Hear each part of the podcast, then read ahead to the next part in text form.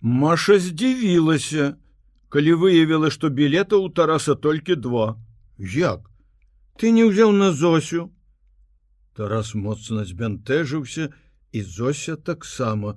Ну што ты, я зусім не хачу перашкаджаць вам. Чым ты скажы, калі ласка можаш перашкодзіць нашым. Маша гаварыла з калідора, куды выскочыла пераадзець плацце, але пры ўсёй шчырасці адносін да Зосі яна не абуралася. У голасе і гучала адно вясёлае здзіўленне. Эх ты, кавалер, хіба так можна рабіць? Зося сядзела на канапе ў звыклай позе, падкурчыўшы ногі, пакрыўшы іх цёплай хусткай. У кватэры было нават душна, але у яе ўсё яшчэ жыло нервовае адчуванне, што ногі стынуць. Так у калекі жыве боль ампутаванай нагі. Да прыходу Тараса яны нешта кроілі, і на канапе былі раскіданы зялёныя, чырвоныя, адмыслова выкраеныя шматкі, як кветкі. Яна збірала іх, звязвала ў пучкі. Маша вскочыла ў пакой з распушчанымі валасамі, пачала прычэсвацца перад люстрам. Яны залюбаваліся яе залатымі валасамі. Зося глянула на тараса з усмешкай сястры, старэйшай.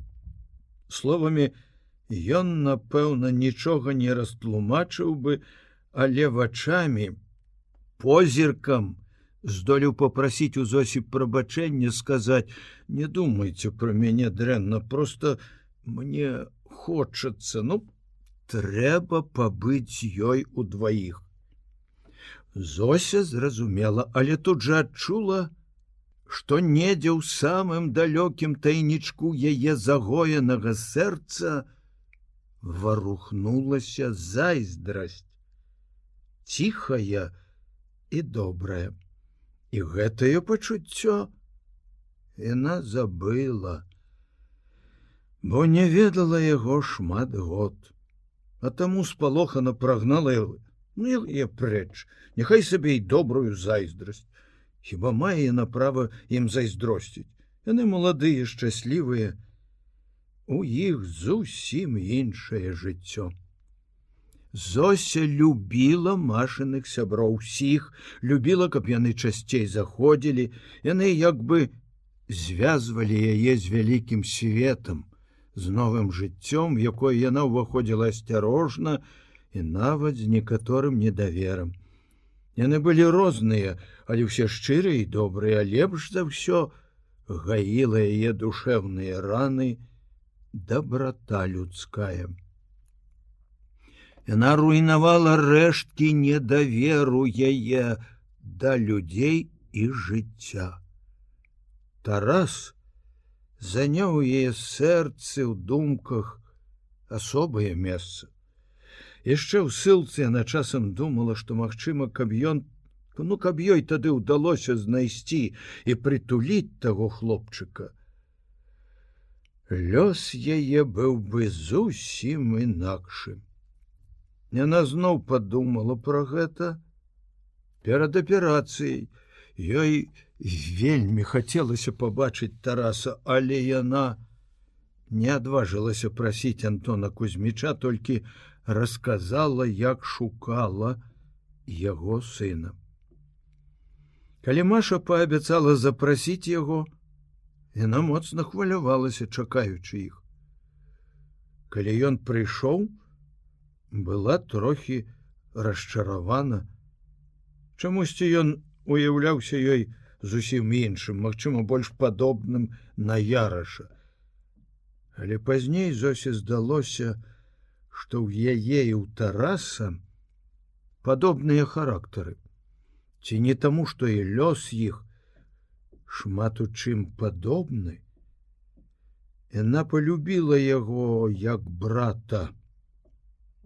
Але каб яна тады знайшла яго, яны б сталі братам і сястрой на ўсё жыццё. Аднак, нягледзячы на гэтую любоў, в апошні час з'явілася нейкая іншая трывога, незразумелая, не асэнсаваная.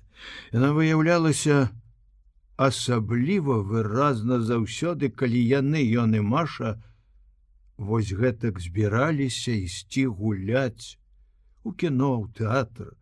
Не, гэта не было рэўнасцю ні да яго, ні да яе зайздрасць да іх маладосці.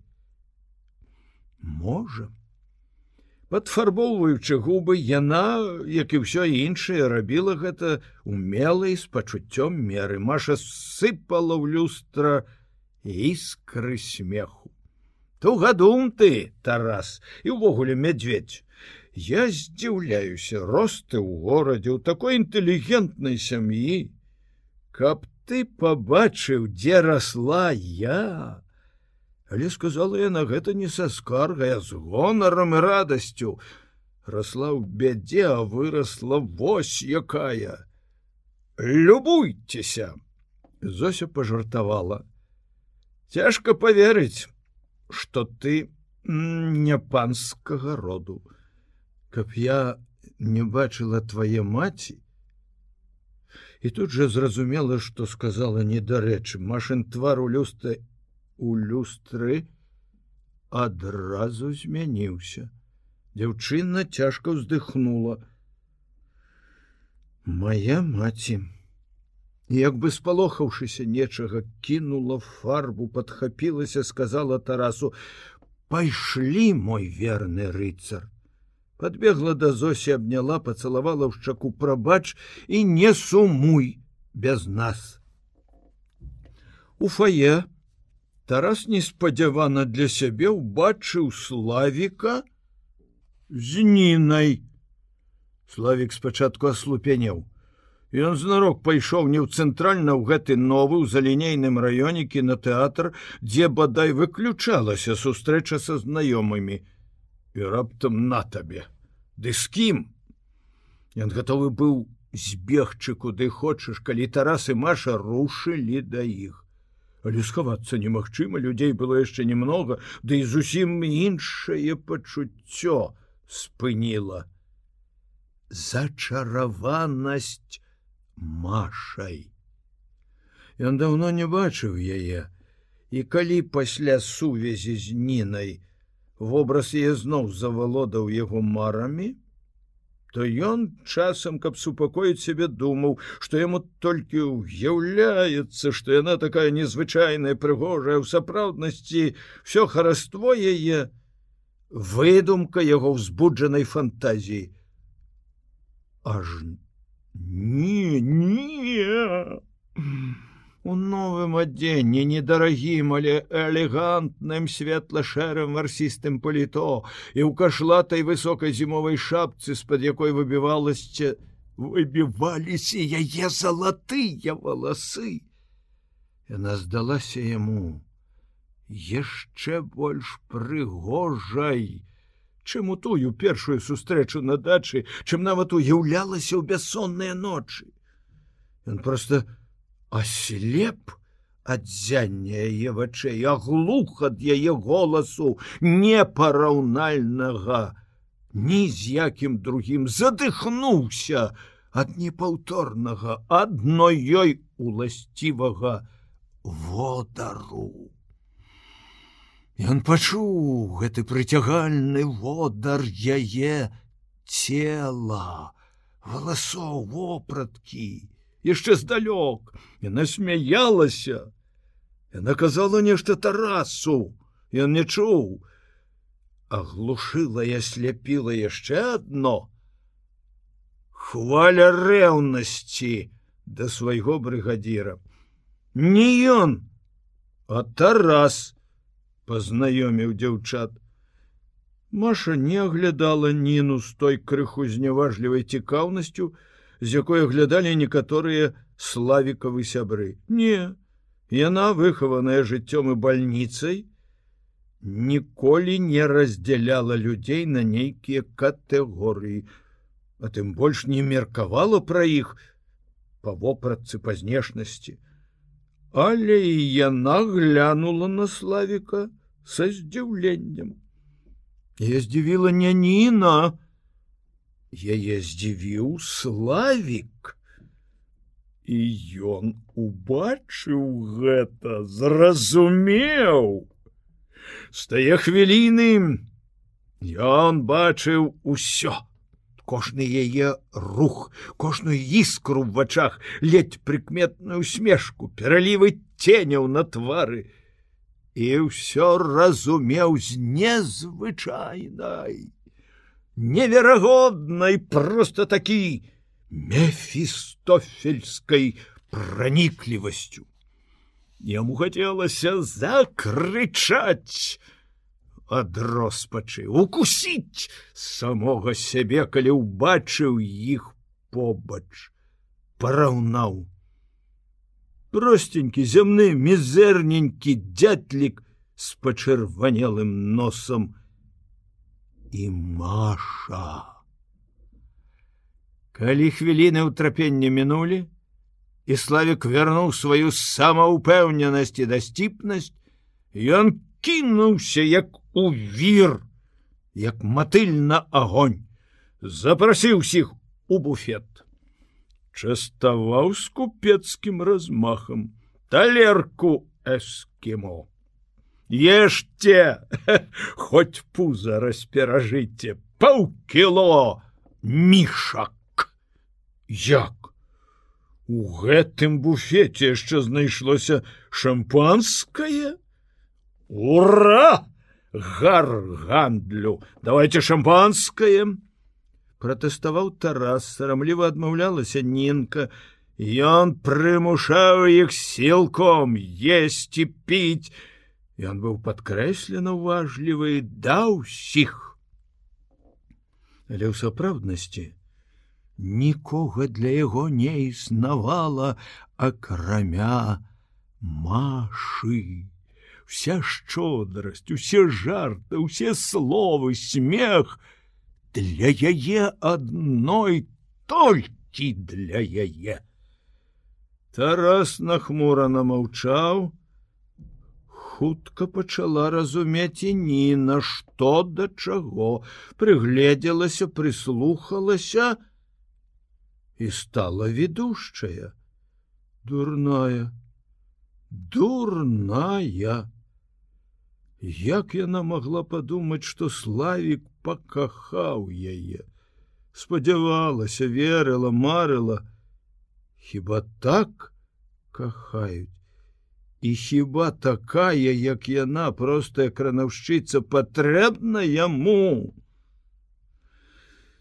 Яму вось якая краля трэба модная нафарбаваная абражаная пакрыўджаная нінка якую спачатку славікавы жарты смяшылі сцішылася замкнулася адступіла за круглым столікам ад славіка да тараса.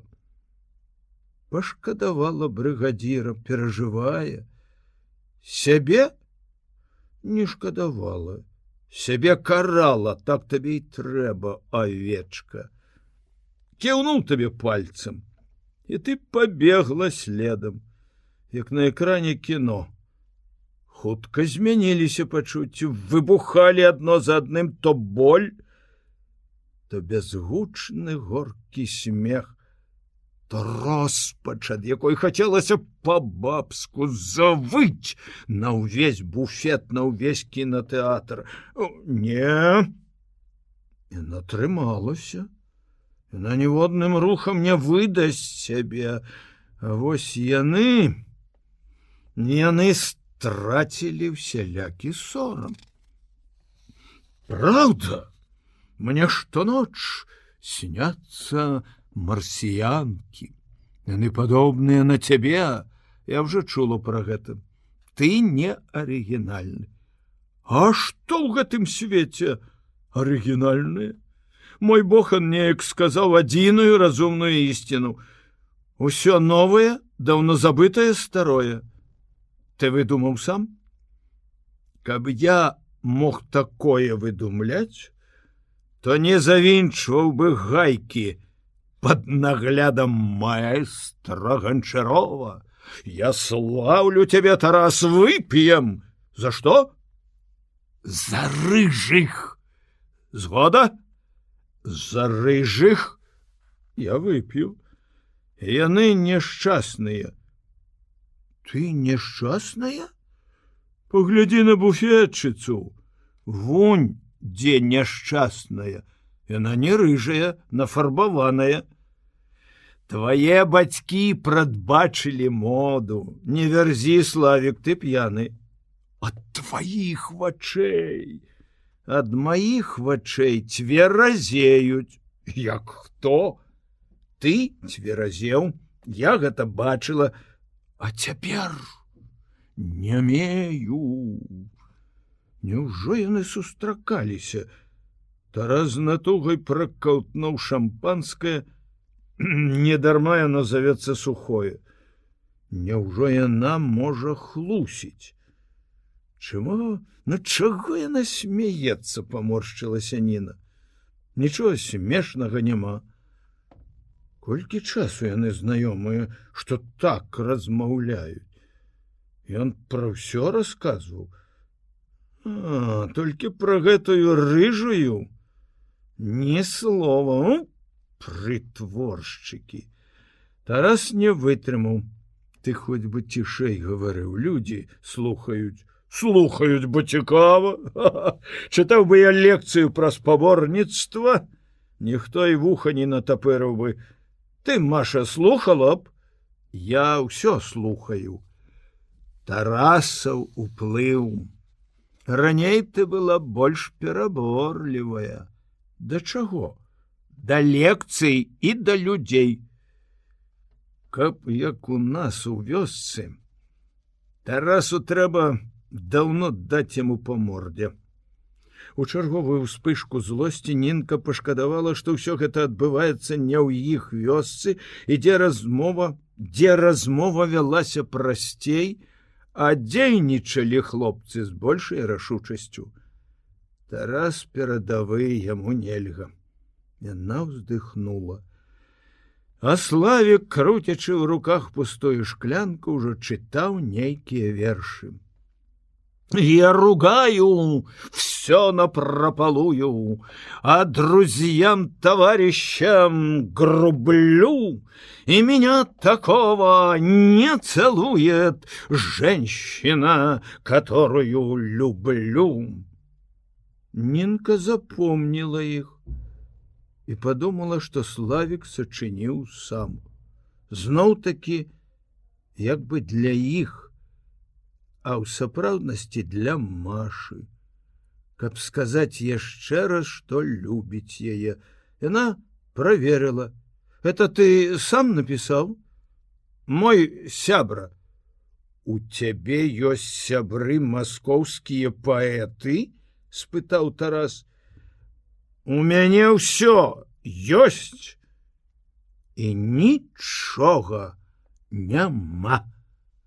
Жанчына, якую ён любіць, не цалуе яго і нічога ў яго няма. Гэта на нейкі міг суцешыла ненку, вернула надзею. Позвонілі, клікалі ў залу. Яны падымаліся па крутой лесвіцы першыя славік і Маша. Зноў яны забыліся на ўсё нават на тое, хто з кім прыйшоў і павінен сядзець. Не, на парозе залы яна рыжая успомніла такі пра гэта. Але як славік цягнуўся за ёй позіркам. І калі сеў на месца, то ўвесь час глядзеў той бок, дзе селі яна і Тарас і калі патухла святло і пачалася карціна, Нінцы здавалася, што ён глядзіць не на экран, а ўсё туды ж. Беда гераіні расчуліла дзяўчыну. Больш яна не думала пра тое, каб утрымаць славіка, прымусіць яго жаніцца. Дзякуй Богу, што хоць все добра абышлося, не здарылася таго, чаго яна падсвядома хацела, каб паставіць хлопца перад фактам і баялася, баялася не менш, чым і славік. Цяпер яна прымала гэта як кару за сваю даверлівасць і дурноту. так табе і трэба. Так табе і трэба! Бязлітасна ўпікала на сябе і плакала смаркалася выцірала хусцінкай вочы. Но і нават азірнуліся з пярэдняга рада. Славік дзівіўся што яе так расчуліла трагедыя гераіні Яму смешна стало бо яго асабіста вся кінагісторыя не схвалявала не на грам. Не кранула ніводнай стрункі душы. Банальная драма. І нават адчуваў некаторую неёмкасць перад суседзямі што яго дзяўчына такая дзярэўня. Маша і тарас сядзелі бліжэй да выхада і калі сеан скончыўся выйшлі першыя як ён і рваўся славік каб дагнаць іх лес на людзей раштурхоўваў абражаная ніна засталася ззаду хацела схавацца ў натоўпе ён спахапіўся пачакаў яе каля дзвярэй. Але яўна быў незадаволены, што Маша з тарасам зніклі.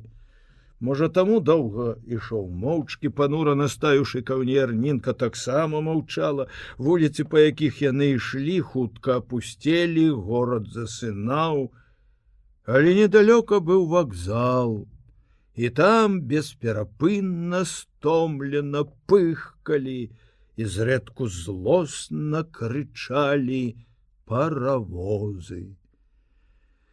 На пешаходным мосце цераз чыгунку вузкім і высокім нінка спынілася і глядзела, як унізе ішоў доўгі таварны састаў. Маленькія вагоны з чырвонымі дахамі, доўгія пульманы з белымі люкамі, пляцоўкі з трактарамі, з лесам, цягнік прайшоў мімо зялёных і чырвоных нерухомых агнёў стрэлак і святлафораў плыў хістаўся аддаляючыся. Чырвоны стоп-сігнал Ненка праводзіла яго сумным позіркам. Быццам у тым цягніку запламбаваным пульмане, ці можа на адкрытай пляцоўцы павезлі яе шчасця але павезлі. Хто? Куды? Славик стаяў побач наваліўшыся грудьмі на парэнчы і пляваў уніз. З дзіцячай свавольнасцю цэлячыся ў сігнальны слупок стрэлкі. Не адводзячы вачэй з далёкіх агнёў Ніна сказала ціха з болем. Цяпер я ўсё разумею, бачыла, не дурная. Ты любіш яе гэтую рыжую. Не хлусі мне больш. Ты любіш яе у славіка быццам стопудовы камень сорваўся з душы паляцеў уніз под мост бразнуўся аб сталёвыя рэйкі разляцеўся на парашок нічога не засталося зрабілася лёгка лёгка і смешно.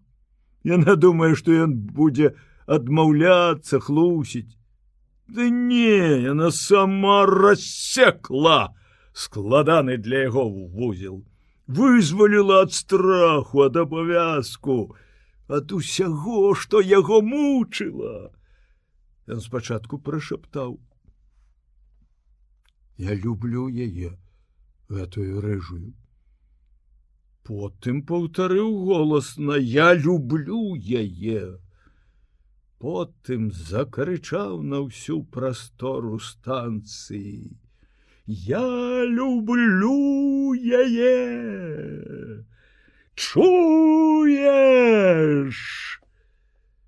Крык яго падхапіў блізкі паравоз. Ненка заціснула руками вушы і кінулася прэч як ад ашалелага побегла. Под яе ногами загудела заляскатала жалезная ферма моста ей здавалася что ён усё яшчэ крычыць ёй услед гэтыя словы са здекам і радасцю не ён не крычаў Ён ушоў павольна, праводзіў рукой па мокрай парэнчы, шчасліва усміхаючыся, шаптаў: Я люблю яе. Я люблю яе. Зося яшчэ не спала, чытала. Па прыездзе з больніцы, Яна глытала кнігі з незвычайнай прагнасцю і сама дзівілася. Яна чытала і раней, але тады хворай кнігі не давалі той радасці і асалоды, што даюць цяпер. Тады яна проста чытала ад смутку, каб скараціць час, а цяпер чытаючы, жыла, весела і хороша. Маша скінула ў калідорчыку паліто, вайшла ў пакой, правяла гарачымі далонямі па халодным твары і гучна засмяялася. Зося адарвалася ад кнігі, са здзіўленнем паглядзела на сяброўку, чаму ты? Там у рамане кіўнула яна на кніжку. Гэта, напэўна, называецца Ён попрасіў, яе руки хто? Тарас? Маёй? Зося адчула як ёкнула сэрца.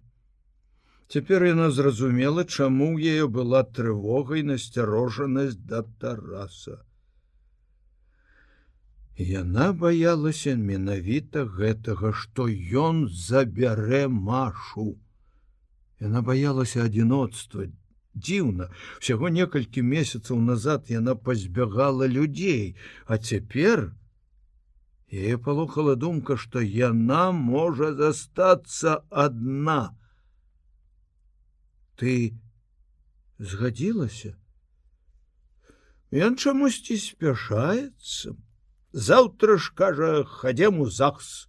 О не, дай мне падумаць, я кажу яму дай мне подумать до нового года расчараваўся чаму ему загарэлася яна скінула чаравікі ускочыла на канапу схавала калелыя ноги под коўдру ты ведаеш я правда хочу подумать тарас напэўна будзе найлепшы муж.